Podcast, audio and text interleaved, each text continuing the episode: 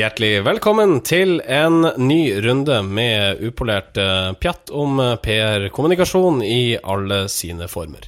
Mitt navn er Marius Staulen, dette er Norsk informasjonsrådgivere, og rådgiver 1 han sitter til min høyre, hva heter? Han heter Sindre Holme. Ja, hjertelig velkommen til deg, hvordan går det? Jo, det går bra. Eh, Jeg er jo selvfølgelig en hund etter kommunikasjon, og det var en morgen, altså jeg hører på Nyhetsmorgen på NRK hver morgen, og da hørte jeg Helga Pedersen igjen, kronprinsessen i Arbeiderpartiet. Altså hun har jo vært en sånn derre eh, liten, en sånn stjerne som ikke helt har klart å skinne skikkelig, eh, og som, eh, som på en måte Arbeiderpartiet har veldig tro på. Eh, men så kjenner jeg at det liksom irriterer meg litt når jeg hører henne på radio. Du irriterer deg over Helga Pedersen? Ja, fordi at hun, hun, hun, hun snakker som om eh, Som er på en måte en folketaler på et, på et torv, liksom, uten mikk, eh, hver gang hun er eh, i media. Altså, du prøve, altså Kan du eksemplifisere, for eksempel? Ja, vi Vi mener i forhold til at eh, det må være mulig, og det er vårt syn på saken. Altså, altså Han bruker enormt mye mange ord til å ikke si noen ting. Eh, og så forstår hun ikke at liksom de siste 50 åra så har vi fått TV, vi har fått radio, vi har fått mange nye kommunikasjonskanaler som setter nye krav til hvordan man skal snakke. Eh, Bjørnstjerne Bjørnson han var jo en eh, kjempefin eh, folketaler, visstnok da på 1800-tallet. Eh, men da var det det som skulle til for å nå fram. Men nå er det liksom sånn Nå er det jo Altså Både Jens Stoltenberg, Erna Solberg og alle de, Siv Jensen de forstår jo at det er forskjell på å sitte i et eh, radiostudio og snakke én til én, og holde en tale, 1. mai-tale på et Men torv. det gjør ikke Helga Pedersen. Nei. Nei vel? eh, sorry, Helga. Eh, jeg syns eh, Ja, det er litt slitsomt å høre på det, rett og slett. Ok. Ukens kaktus fra Sindre Holme. Ja. Enn eh, du, Marius Torkelsen, har du en god historie å fortelle innledningsvis her? Ja, jeg har en eh, ytterst god historie. Ja. Eh, Journalisten.no er jo eh, et fint fagmedie for de som liker journalistikk, og liker at folk skriver om journalistikk. Så i utgangspunktet så er det noe som er litt meta, altså journalistikk om journalistikk. Eh, og denne uken så hadde de en sak om eh, altså det forestående PFU-møtet, hvor de skal behandle en del ting, bl.a. rasisme, snus og kortvokste. Eh, det som er litt morsomt da, i, i den saken her, så skriver de om uh, Hylland Eriksen, Thomas Hylland Eriksen, som uh, er klagende part uh, om en sak hvor Aftenposten har nevnt en del ting som de mener han har sagt, men som han er uenig i. Eh, og så klarer ikke journalisten i sin sak om PFU-klagen å nyansere Hylland Eriksens syn på den saken godt nok. da.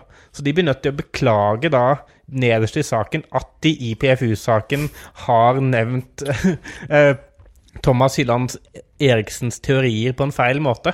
Så alt blir veldig veldig rotete. det er riktig, sånn som de- det har for vane på journalisten. Eh, Jeg tror ikke vi skal gå nærmere inn på den eh, saken nå, for vi er vel nødt til på et eller annet tidspunkt å introdusere dagens program. Det er tettpakka som vanlig. Vi skal tilbake til Hennes og Maurits, som nå går nye veier i mediehåndteringa si. Vi skal snakke om en villaks som har hva skal jeg si eh, skapt eh, bølger eh, oppe i nord. Ja vel. Og vi skal snakke om eh, hva som skjer når journalister blir veldig glade i et ord. Eh, så glade at det mister all betydning. Riktig. Det høres spennende ut, gutta. Ja, det gjør det. Dette er Norske informasjonsrådgivere, episode 17. Velkommen til gards. Norske informasjonsrådgivere. Vi skal starte denne sendinga i vår egen bransje. Ipsos MMI, tidligere bare MMI, som etter mitt syn var et mye enklere navn å forholde seg til, har gjort en omdømmeundersøkelse for bransjeorganisasjonen KOM, tidligere NIR for øvrig. Eh, blant annet så forsøker man å avdekke folks kjennskap til PR-bransjen i denne undersøkelsen, og resultatet må vel sies å være nedslående. Ja, det er nedslående med mindre man heter Gelmaiden Kise. Uh, undersøkelsen viser jo at vi har egentlig kun én merkevare i byråverden i Norge, og det er Gelmaiden Kise. Eh, utover det så er altså Burst Marsteller litt kjent, og noen har hørt noe om Gambit, men det er altså et sjakkuttrykk, så folk er ikke helt sikre. Men den viser at én av fem potensielle PR-kjøpere kan ikke nevne et eneste byrå. Og det er jo skremmende. Ja, For hva gjør eh, en virksomhet som ønsker PR-tjenester? Da, altså, da begynner de rett og slett på Google, da. Jo, ja, tydeligvis at de søker da PR-byrå. Eh, eller noen som kan hjelpe oss med å få noe på trykk. Smilefjes. Eh, smilefjes. Og så kommer da tydeligvis Gainmaden Kise opp. Eh, og det viser for det første da at hele den kampen om likes på Facebook mellom PR-byråene, den er litt fåfengt. da, Fordi eh, man trenger egentlig ikke å gjøre det. Fordi tydeligvis så bommer man da på 20% av potensielle kunder. Ja, Men hvem er det som egentlig liker et PR-byrå på Facebook? Er ikke det strengt tatt bare bransjefolk? Nei, det er bare studenter som vil ha jobb. Nesten utelukkende. ja. Eh, Det er jo også en eh, Den undersøkelsen her avdekker jo egentlig hvordan også hvordan folk oppfatter PR-byråer, altså de som faktisk har noe forhold til, til byråer. Eh, Og her står det at bare 52% oppfatter PR-byråer som like seriøse som advokater. Det er en nedgang på 7 prosentpoeng. Hvor mange er Eh, oppfatta som like seriøse som advokater? 52 Det er jo Ja, det var kjempehøyt. ja, Ja, jeg faktisk- det var utrolig bra. Ja. Advokater! Ja, jeg tenkte bare Har De er ganske høy troverdighet? Jo, altså, skulle tro det. Så, Kanskje det er sånn forsvarsadvokater, da. Men det har gått ned, da. Altså 7 prosentpoeng, så det er jo ikke noe bra. Det er en, det er en uheldig utvikling, kan man vel si. Men, men jeg lurer på hvordan det spørsmålet er. Er det sånn, Oppfatter du PR-byråer som like seriøse som advokater, ja eller nei? Mm. Eller hvor seriøst oppfatter du disse ulike bransjene? Sikkert bare For da kan det jo være altså, Da vil det jo det måtte være en variasjon på 7% sannsynligvis.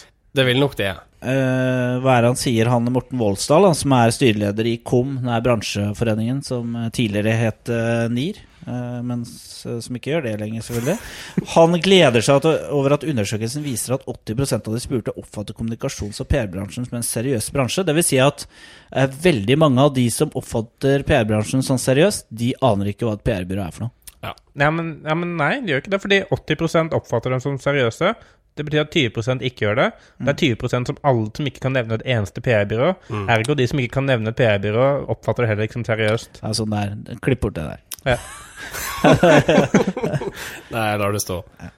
Det er jo en nedgang. Det er færre som eh, anser PR-byråer som like seriøse som tidligere. Eh, så det er jo litt negativt, dette her, selv om det er jo fantastisk at eh, vi er oppe på advokatnivå. Ja, ikke sant? Men det er jo interessant når Voldsdal sier, blir spurt om dette her, da, så sier han at dette er noe vi må ta til etterretning. Det er klart at der har vi et betydelig forbedringspotensial. Det jobber vi målrettet med å gjøre noe med. Ja, gjør KOM egentlig det? Unnskyld at jeg spør. Jeg er inne på kom.no, og den siste saken publisert på kom.no, altså sertifiserte kommunikasjonsbyråer off, eh, sin offisielle kanal utad på den digitale flaten, eh, er en sak skrevet den 19. oktober 2012 eh, som heter da 'Gullkorn er et viktig bransjetreff'. Eh, ja, de, det er ikke, de er ikke så opptatt av å vise frem da, at de jobber med dem. De jobber jo med det hele tiden, som Ja. Voldsdal Man har ikke tid til å skrive så mye, man jobber med det hele tiden. Ja, Det- men de tar det til etterretning. altså, de vet jo, altså, det går litt seinere der enn det går på en måte i Twitter- og Facebook-verden. For de sier at de vedtok en strategi for halvannet eh, år siden som vi jobber med. Altså, jeg mener, har, er strategien vedtatt? Jo, jo, man skal jo jobbe for å på en måte, iverksette tiltakene osv. Eh, men når han sier hva den strategien handler om, da, altså, den omhandler omdømmet vårt, vår satsing på offentlige anbudsprosesser og alt som har med etikk å gjøre. Alt som har med etikk å gjøre, det syns jeg høres eh, ganske hvitt ut. eh, Det in innebærer jo også mye uetisk, for det er også mye med etikk å gjøre. Ja, det har det. Så Jeg jeg vil bare dra fram et eksempel på hvor galt det kan gå hvis man ikke kjenner til PR-bransjen. Fordi Under denne saken på kampanje så er det en som heter Torkil Olsen som har sett sitt snitt til å si hva han mener om PR-bransjen. Mm. la meg lese et kort utdrag. Dramatisk stemme. La det være klinkende klart. Det eneste PR- og kommunikasjonsbyrået gjør, er å få rike drittsekker til å se ut som engler og lage misvisende, løgnaktige reklamer for produkter vi ikke har bruk for, og som til syvende og sist ikke er bra for verken oss eller miljøet.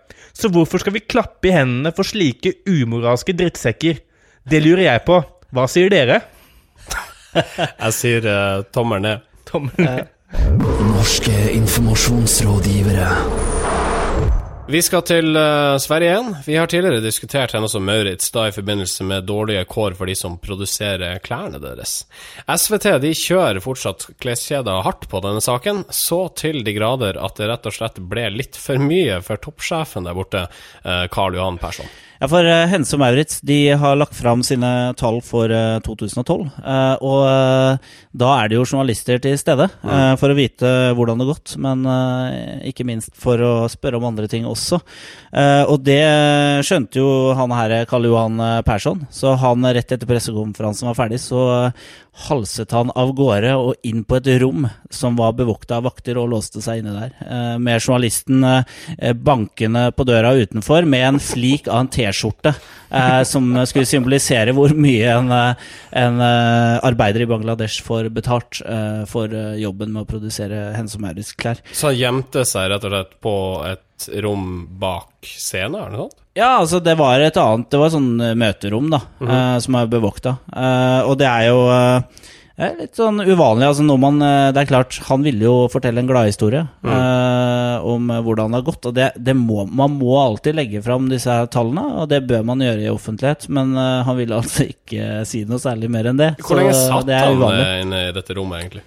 Nei, Han satt der til han eh, journalisten eh, ble lei, da. Eh, han ble vel sulten etter hvert. Jeg regner med at han ikke fikk noe mat på pressekonferansen, for de ville vel ha han ut så fort som mulig. Eh, det er, dette er et sånn tydelig eksempel på det Hans Gillemøyden tok opp uh, i høst, hvor han sa at uh, kommunika altså, kommunikasjonsrådgivere har blitt mer sånn vakter og måtte stengsler enn faktisk da døråpnere.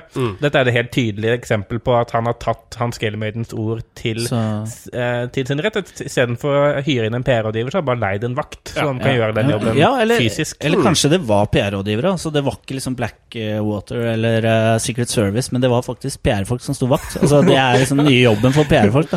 Eh, Men det som, det, som er litt kom, det som er komisk her, det er at når de uh, Hense Maurits bør være forberedt på denne situasjonen her. Uh, og da bør du legge pressekonferansen et sted hvor han kan stikke ut, og i en bil og stikke av. Uh, ikke inn i et uh, møterom tre meter unna der han holder pressekonferansen, for det ser veldig corny ut. For ja, jeg har kjempedårlig tid, jeg må i et viktig møterom. Eh, på en måte, Rett her borte. Uh, hvor det liksom ikke er noen. Uh, det er bare noen sånne rådgivere, det, det, det var jo ikke noe møte der. Jeg, jeg skjønner ikke hvordan man kan bli toppsjef i Hennes og Møritz og gjøre sånt. Det, det, det fatter jeg ikke. Det er utenfor min fatteevne. Og ikke nok med det, men i tillegg så forstår jeg ikke hvordan man kan forbli det etter å ha gjort noe sånt. Og at man i det hele tatt kan ha en stab av lojale kommunikasjonsarbeidere som etterpå faktisk sier til pressen han hadde dårlig tid, og derfor han måtte gå. Det er, Altså, derfor, det er derfor han sitter der bake på Ja, det rommet bak i Derfor er han vakten er, han, er en prosjektleder som passer på tiden hans. Altså, det er sånn, jeg skjønner ikke hvordan noe sånt kan skje. Ja, altså eh, Her har jo Hense Maurits hatt eh, rikelig med tid til å, til å forberede seg på, med å måtte ta litt kontroll da, over, den, eh, over det sakskomplekset her. Men de burde eh, kanskje ha forberedt seg enda bedre. Ja, de burde ha visst at De vis, visste jo at den her eh, presentasjonen av eh, 2000, resultatene fra 2012 ville komme. Den har, den har du jo eh, planlagt selv, så det burde jo vært en slags sånn deadline for å, for å kunne komme noen gladnyheter eh, rundt denne eh, Bangladesh-saken. Han hadde sikkert en plan i bakhånd, men i, de, i kampens hete så fikk han fullstendig panikk og glemte av hele planen, og gikk da for plan B, som var å rømme inn på et Jo, eh, men altså, De hadde jo en vakt tilgjengelig, da, så de Ja. må jo ha planlagt det på en eller ja, annen måte. kan, Kanskje det var det som var planen. Hvem vet? Altså Det som hadde vært enda morsommere, er om eh, han eh, ikke hadde gått inn på et møterom, men faktisk gått inn på toalettet med journalisten etter. Inn på en bås, eh, k- opp buksesmekken og late som han skulle tisse. Karl Johan, Karl Johan! Er du ferdig snart? Jeg kommer, vi, kommer, eh, jeg kommer, kommer. Skal vi gi en tommel opp eller tommel ned for uh, Hennes og Mørits eh, mediehåndtering? Eh, tommel ned. Utrolig dårlig mediehåndtering. Vi har fått et lyttertips, vi, fra Jan Fredrik Fransen, som spør Hei, kan ikke dere eh, prate om denne saken i neste episode av NIR? Det skal vi jaggu meg gjøre. Vi skal til barnelitteraturen. Barneboka 'Villaksen Salomon og den store reisen' uh, får nå tyn av oppdrettsnæringa. For i denne boka her så får uh, laksen Salomon et såkalt sjelsettende møte med mishandla og deprimert oppdrettslaks, det melder NRK. Ja, det er riktig. Eh, den her boka den eh, handler om den her laksen som fyker oppover eh, og svømmer oppover langs norskekysten. Og den møter da på en oppdrettslaks som blir beskrevet som en, en fisk som ikke har det særlig bra. Ja, for det, er et sitat, ifra, et sitat ifra boka her. Du kan kanskje lese det med litt Ja, altså, dramaturgi. Ja. Det kryr av lakselus rundt nota. Så han må rulle seg konstant for at det ikke skal feste seg. Laksene ser slitne ut. Det er ingen som ler og har det gøy. Det høres forferdelig ut å være oppdrettslaks, gitt. Ja, det høres ikke bra ut, og oppdretterne de mener jo dette er helt feil fremstilling. Ja, det er fordi de reagerer jo på at eh, fremstillingen i denne villaksens reise er uh, litt unyansert, da. Uh, fordi blant annet altså, sier daglig leder i Ellingsen Seafood, Line Ellingsen, at hun mener at oppdrettslaksen har det bra, og de oppfatter ikke at, at den har det så ille som det beskrives i boka. Og dessuten så tror hun ikke at livet som villaks er så bekymringsløst som det vises til i boka. Eh, Og det er jo ganske fantastisk at hun har faktisk satt seg inn i villaksens sted, da, Ja. og på en måte dens bekymringer og gleder, Ja. og påpeker at uh, bildet som fremstilles i denne barneboken er litt unyansert, og uh, dessuten så kan ikke laks snakke. Uh, det er det eneste som mangler her. Ja. Villaksen har også problemer. Ja. ja, altså, det er jo interessant at en barnebok blir tillatt Altså at på en måte tillagt så mye vekt, da, eller at den blir, den blir jo viktiggjort uh, gjennom dette her. Altså, jeg tenker det er jo Det er jo ikke sånn at alle som heter Tobias uh, bor i et tårn, sånn som de sier i Kardemommeby, eller at alle tanter er som tante Sofie. Altså, jeg ville ikke blitt fornærma hvis jeg hadde vært tante, f.eks. Uh, og det, det liksom Norske Tanters Forening raser. Tanteforening, ikke sant? Tanta, ja.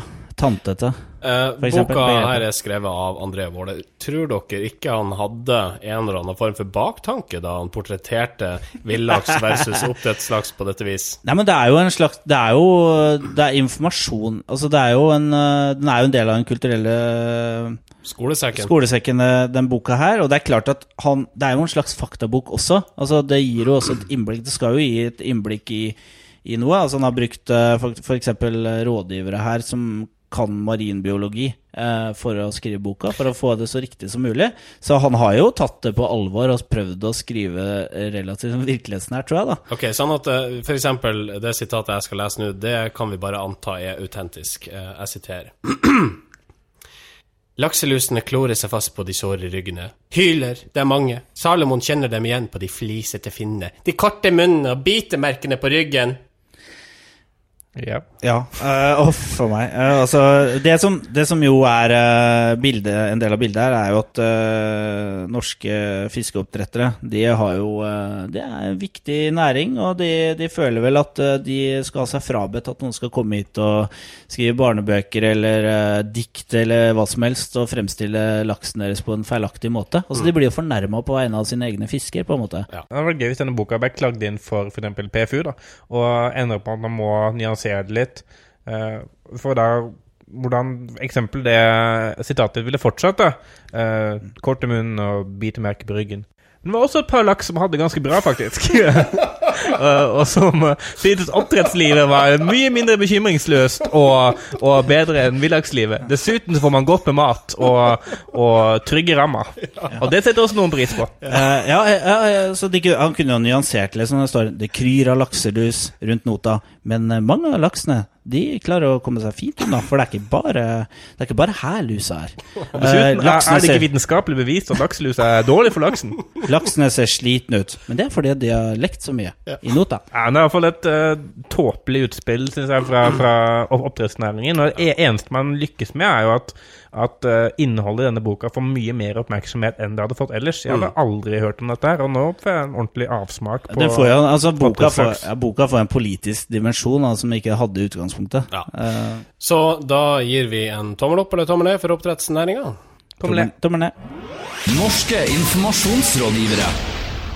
Da skal vi tilbake til PFU, som nylig har hatt et møte der de har behandla en rekke saker, bl.a. en sak fremma av henholdsvis to kortvokste privatpersoner samt Norsk interesseforening for kortvokste. Eh, dette laget her har stevna Filmmagasinet for brudd på Vær varsom-plakatens punkt 4.3, som maner til respekt for menneskers egenart og identitet. Og hva er grunnen til dette her? Jo, eh, Filmmagasinet har publisert en artikkel som heter Kort og godt dvergfilm.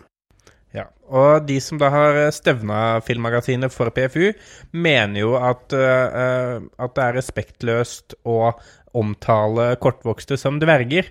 Eh, og eh, de mener også at eh, det viser eh, en måte, et om, vitner om et dårligere menneskesyn. Og måtte, det er derfor de også klager dem inn på, brudd, på bakgrunn av brudd på den bestemmelsen du nevnte. Eh, og jeg vil bare lese opp noe fra klagen, da, eh, hvor de sier ville Filmmagasinets redaksjon ha samlet filmer med skuespillere som f.eks. Uh, har pådratt seg ryggmargsbrokk, og gitt artikkelen 'ryggmargsbrokkfilm'? Eller ville de publisert en eh, artikkel med skuespillere som mangler en arm, eh, og kalt artikkelen 'protesefilm'? Nei. Men å publisere en artikkel med kortvokste i sentrale roller og kalle artikkelen 'dvergfilm', det er helt greit. Hvilken film er det vi snakker om, Ja, egentlig? men det er jo Hobbiten, Det er ja. ja. Det er jo Hobbiten vi snakker om, og i Hobbiten så er det jo et uh, folkeferd som heter dwarves. Eh, oversatt til norsk så er det dverger, så jeg mener at Filmmagasinet har ordene sine i behold eh, her, fordi ja. Det handler ikke om dverger uh, ute i det virkelige liv, men det handler om type fiksjonsfiguren Fiksjons- dverg fra Ringenes dvergen, herre. ja. Ja, det, nettopp det, at, altså, det må jo være lov å bruke ordet dverg. Altså, fordi det er faktisk da i fantasifilm så er, altså, er det en type, en gruppe mennesker. Ja. Eh, men da men Filmmagasinet sier jo ikke at kortvokste er dverger. De sier bare at disse filmene inneholder karakterer eller folkeslag som omtales som dverger, og vi har samla de beste filmene som omhandler det. Ja. Jeg, jeg, forstår, eh, jeg forstår jo foreningen eh, som på generelt, eh, generell basis at de er lei av bruk av ordet dverg eh, som en sånn eh, artighet, eller litt sånn snodig ord. Eh, for det, altså, sånn generelt, men akkurat her så bommer de. Syns jeg. Altså de sier en annen, Et annet sitat de trekker fram, er jo det her at uh, Filmmagasinet skriver at det er ingen historie her, bare en samling scener der en gjeng rabiate dverger går berserk, herjer og ødelegger uten synlig mål og mening. Altså, begrepet liksom rabiate dverger eh, om kortvokste eh, kunne vært eh, Det hadde vært ganske ufint. Ja. Men Hvis det hadde siden det vært her er rabiate dverger kortvokste i Oslo, eksempel, så hadde det kanskje vært verre enn når Ja. det er rabiate dverger på film. ja, Hvis det hadde vært gateslag med kortvokste, og det hadde kalt de rabiate dverger, så hadde det vært ganske Det hadde vært over eh, streken. Da hadde det vært tydelig at de prøvde å gjøre en pønn på det. Men, men når det da i altså manuset til filmen blir omtalt som dverger, og da ikke som kortvokste, men som fantasifiguren dverger, så må det være lov å skrive rabiate dverger. Eh, Så er det tommel opp eller tommel ned til eh, henholdsvis to kortvokste privatpersoner og Norsk interesseforening for jeg vil, si, jeg vil si pick your fights og uh, tommel ned. Ja. Norske informasjonsrådgivere. Da skal vi til politikken, nærmere bestemt til vår utenriksminister Espen Barth Eide. Han har eh, blitt en populær mann, ifølge kilder her i NIR-rådet. Ganske interessant, men eh, Sindre, ettersom uh, mannen knapt har karisma å snakke om. Jo, øh, ja. Eh, altså Espen Barth Eide kom inn som ny utenriksminister eh, her eh, før jul. eh, tatt over etter Gahr Støre, som var veldig populær og eh, kompetent. Uh, Barth Eide er jo ikke karismatisk, som du var inne på. Han er, er jo en veldig tørr fyr. På hvilken Eh, måte? Nei, altså, han ser eh, han ser liksom helt lik ut. Han, han ser ut som en sånn eh, Hele tiden ser han lik ut. Han ser ut som en sånn eh, Ivo Caprino-figur som ikke fikk lov til å være med i Flåklypa Grand Prix, for det var rett og slett ikke spennende nok. Barth Eide eh, er eh, en veldig sånn korrekt type. Han, eh, han snakker eh, veldig sånn uh, Han ufeilbarlig, på en måte. Eller, Han, er u, han, han snakker veldig riktig. Eh, Han sier ikke mye feil. Han ser uh, ut som han mener det han snakker om, osv. Men han gir jo ikke så mye mer enn det. Altså, han er relativt sånn flat, da. Men var ikke Jonas Gahr Støre også en relativt kjedelig eh, utenriksminister da han satt? Jo, og jeg tror det er en sammenheng her. fordi at det å være utenriksminister altså vi, Jeg tror vi nordmenn Generaliserer jeg fryktelig her, men jeg tror at øh, vi setter pris på utenriksministre som er korrekte, og som ikke tabber seg ut. Altså Det er noe av de viktigste kriteriene. At de snakker, at de er velartikulerte uh, og virker seriøse. Uh, og det, det setter vi pris på. Sånn sett så passer jo Barth Eide perfekt som en utenriksminister. Så med andre ord, uh, etter hvert som denne diskusjonen har eh, forløpt, så virker det som at Barth Eide gjør en OK jobb, da. Til tross for at han er kjedelig. jo, jo, men det, det har vært interessant, da, fordi med, med den uh, undersøkelsen som uh, Ipsos MMI har gjort, så, bra, så, så mener jo halvparten av Norges befolkning at han gjør en god jobb. Det var interessant da, hvis de hadde spørsmål, et oppfølgingsspørsmål som var hva, har, eh, hva tror du Espen Barth Eide har gjort det siste halvåret? For det, altså, det har gjort en god jobb, men hva i all verden er det han har gjort? Ja, altså Mye av grunnen til populariteten ble jo knytta opp mot uh, Algerie uh, og det som skjedde der. Og det er klart, han gjorde jo en veldig god jobb der. Men foruten Eh, det så vet folk ikke så veldig mye om Barth Edis. Nei, men han har ikke gjort noe Altså, Hvis du tenker at jobben din som utenriksminister er å faktisk gjøre noe, så har han jo bare kun vært tilgjengelig. Det er det vi vet. Vi vet Ja. ikke at han Ja. har ikke vært der og redda folk. Han har, jo, han har jo tidligere vært forsvarsminister, og jeg, han fikk jo Han er jo relativt fersk i statsadministrasjonen også, som minister eh, totalt sett. Eh, han fikk jo en litt sånn eh, på en måte litt skeiv start, for et, uh, før han ble minister, så var det noen Wikileaks-dokumenter som uh, avslørte at uh, ambassadør, amerikanske ambassadøren til Norge eh, da beskrev Barth Eide som en streber eh, som ønsker å liksom karre seg opp til toppen eh, for enhver pris. Det, det kan hende han er også, uh, av at han er, eh, gjør alt riktig, som vi ser. Han er ikke den der typiske partimannen eh, som har uh, gått eh, partiskolen nødvendigvis, men han, har, han har gjort en del andre ting riktig, og han er Ja. Han har fått seg politisk makt gjennom å være korrekt og, og kunnskapsrik. Ok, Eh, så da deler vi dette her i to. Er Barth Eide kjedelig? Ja eller nei? Han er kjedelig. Ja. Ja. Får han tommelen opp eller ned? Vi vil ha kjedelige folk eh, til å gjøre den typen jobb, tror jeg. Så Tommelen opp. Opp. Ikke gjør dette. Da skal vi til eh, designbransjen. Creuna de har designa en ny grafisk profil for eh, neste års grunnlovsjubileum.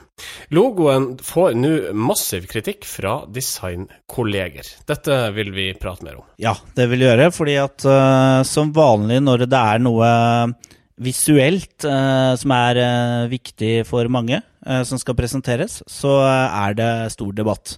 For eksempel, her får jo Kriuna kritikk av en i Tangram Design, eh, som sier at uh, dette var en fantastisk mulighet til å skape noe man kunne bli stolt over. En logo for grunnlovsjubileet bør ha verdighet og historisk sus, men dette er altfor dårlig håndverk. Ja, Vi legger ut denne logoen på Facebook-sidene, tror jeg, for det er vanskelig på en måte å beskrive hvordan den ser ut uh, på, i podkast.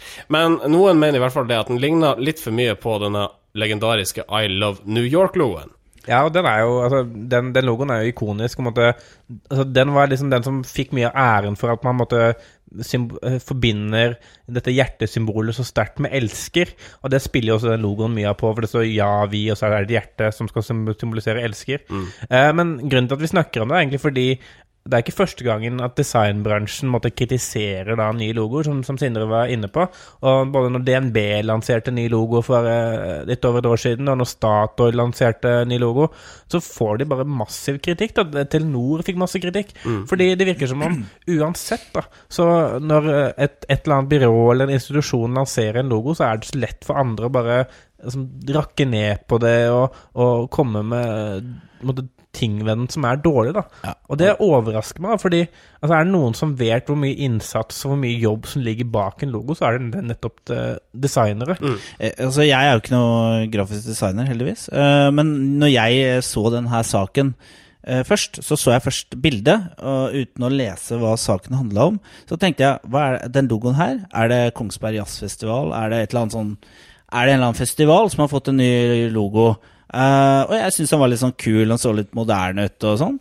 Men tydeligvis, da, så mener designeren at den ligner på noe som jeg overhodet ikke kan uh, se. Vi har vi har jeg kan ikke se, jeg kan ikke se det. eh, og, og jeg tror liksom designere, det er nok eh, Det er litt Når de snak, tenker på Eller skal kritisere eller evaluere andres arbeid, så blir det kanskje litt nærsynte, da. Eh, for jeg mener det er jo hva folk flest mener som er viktig her. Det er grunnlovsjubileet. Det er liksom hele Norges eh, jubileum.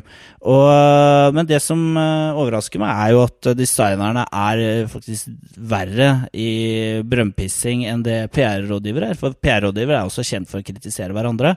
Men her syns jeg designerne tar liksom over den eh, hva skal jeg si, tronen når det gjelder å ødelegge for hverandre. Jo, og, og det må de slutte med, da, fordi, uh, altså, fordi de devaluerer sin egen uh, bransje. Da, fordi altså, design og grafiske profiler det handler jo om veldig mye mer enn bare logoen. Logoen er bare sluttresultatet, og det er måte, bruken av den og, og hvordan den fungerer måte, an, i sammen med andre elementer, som jo er måte, det viktige og den store jobben. Men ved at de måtte devaluere hele den jobben kun til en diskusjon om logoer, så devaluerer de også sitt eget arbeid, for det er det folk blir opptatt av. Og, og det er jo bare sånn, det er ekstremt kortsiktig og ekstremt dumt å gjøre det på den måten. Jeg skjønner at man kan være uenig om noe er fint eller stygt, eh, men, men måtte, det å, at det hver gang det kommer en ny logo, så er det så unisont måtte, negativ stemning i resten av bransjen, er eh, overraskende. Det, det du burde forstå, er at uh, det blir umiddelbart så blir kritikk tolka som misunnelse. Ja. Eh? Fordi at det, det er mye penger i et sånt eh, oppdrag, og det er prestisjefullt. Eh, det skal jeg ikke si Det sto sikkert, men også, altså. eh, ja, det sto det. Da Og så kommer det alltid noen som Én million for det her, det kunne jeg også lagd. Ja, det er en klassisk kommentar i forbindelse med sånne saker. Men altså, du var i kjernen uh, i det, Marius Thorkildsen. Eh, ikke gjør dette. Dette er en uh, oppfordring til uh, landets grafiske designere, rett og slett. Ja, det er unn andre gode jobber. Eh, for det, det, det minner ikke bare om, om misunnelse, det er sannsynligvis misunnelse. Og, og hvis man måtte kun er misunnelig på kollegaer, så lærer man aldri noe av dem. Altså, også det er en annet uh, moment òg, for her virker det som folk ikke De forstår ikke hvorfor de har lagd logoen sånn. Og da tenker jeg prøv å forstå, da. Ja. Prøv heller å forstå hvorfor de har lagd det de har lagd. Ja, så kanskje du lærer noe. Ja. Så slutt å kritisere, da. Slutt med det. Slutt med det. Og ikke gjør det. Ukas kudos. Ukas kudos den Jeg trenger ikke å si ukas kudos enda en gang etter at jeg har kjørt jingeren ukas kudos. Det blir for mye ukas kudos. Ikke gjør det, da. Nei. Men kudosen går nå i alle fall til eh, magasinet Josimar. Dette er tidsskrift om fotball. Hvorfor det? Jo, for vi har jo vært veldig kritiske til sportsjournalister de siste sendingene, men her har du virkelig noe som skiller seg ut i positiv retning. Det er et veldig bra eh, fotballblad som, som går litt bak eh, nyheten og virkelig går i dybden. Og så, vi, og så viser de gjennom Det er, veldig, utrolig dyktige journalister som faktisk driver dette, dette bladet. Jeg husker jeg leste en tolvsiders reportasje om tilstanden i afghansk fotball for eh, noen eh, ut, utgaver tilbake. og Det er sånn typisk den type eh, ting du finner i Josimar. Fordi det er folk som faktisk også er på måtte opptatt av historier, da, ikke bare hvilke spillere som har gått, gått til hvilken klubb, og uh, hvem som lå med hverandres koner og sånn. Eh, så det er virkelig både godt lesestoff, selv om du egentlig ikke er så interessert i fotball i, i utgangspunktet. Og jeg er veldig interessert i fotball, for meg er det på en måte vinn-vinn. Men, uh, men for alle så kunne det vært interessant. Ok, jeg lurer litt på dette navnet. Kan noen raskt forklare meg det? Josimar er en uh, brasiliansk venstreback fra sånn 60-tallet eller noe sånt. tror jeg. Redaktøren her, da, eh, Frode da Costa Lia, han har jo litt sånn uh, Han har litt relasjon til Brasil, så det er vel også en grunn til at det heter Josimar. Uh, han fortjener kudos for å stå på og eh, ha fått til et veldig bra produkt som eh, mange flere burde lese. Ok, Kan du følge Josimar på Twitter? Ja, alfakrøll Josimar. Norske informasjonsrådgivere. Ukas eh, sending den går mot eh, slutten. Det kan vel oppsummeres som ja, relativt hyggelig. Det er absolutt, altså. Jeg eh, vil si én ting, kan jeg det? Og det er at eh, neste sending så kommer vi til å ha litt eh, innhold om Social Media Days, for dit skal jeg. Å jaså. Dit skal jeg også. Er du det? Begge ja, to? Ja. Jeg skal ikke dit. Nei. Sikker? Bli en litt viktigere del av bransjen, kanskje. Ja, kanskje det er på tide å kutte ut dette lasaronstudentlivet jeg lever, og ta steget inn. Så Ja. kunne jeg kanskje ha vært med på dette. Ja, neste år. Våre podkaster er tilgjengelig i eh, iTunes, de, men hvis du av ymse grunner foretrekker an å laste ned som MP3, f.eks., så har vi ei side for det. Det er soundcloud.com slash nearcast. Ja. Og du kan komme i kontakt med oss per mail hvis du ønsker det. Nearcast at yahoo.com. Og hvis du vil ha en litt enklere måte å komme i kontakt med oss på, så har vi også en Facebook-side. Eh, facebook.com slash nearcast, hvor vi bl.a. har henta en av eh, ukens saker fra. Mm. Med det så er norske informasjonsrådgivere over for denne gang. Her i Studio 2 takker følgende mennesker for seg. Sindre Holme. Marius Tørkildsen. Og mitt navn er Marius Stølen. Ha en fortsatt fin dag. I dag.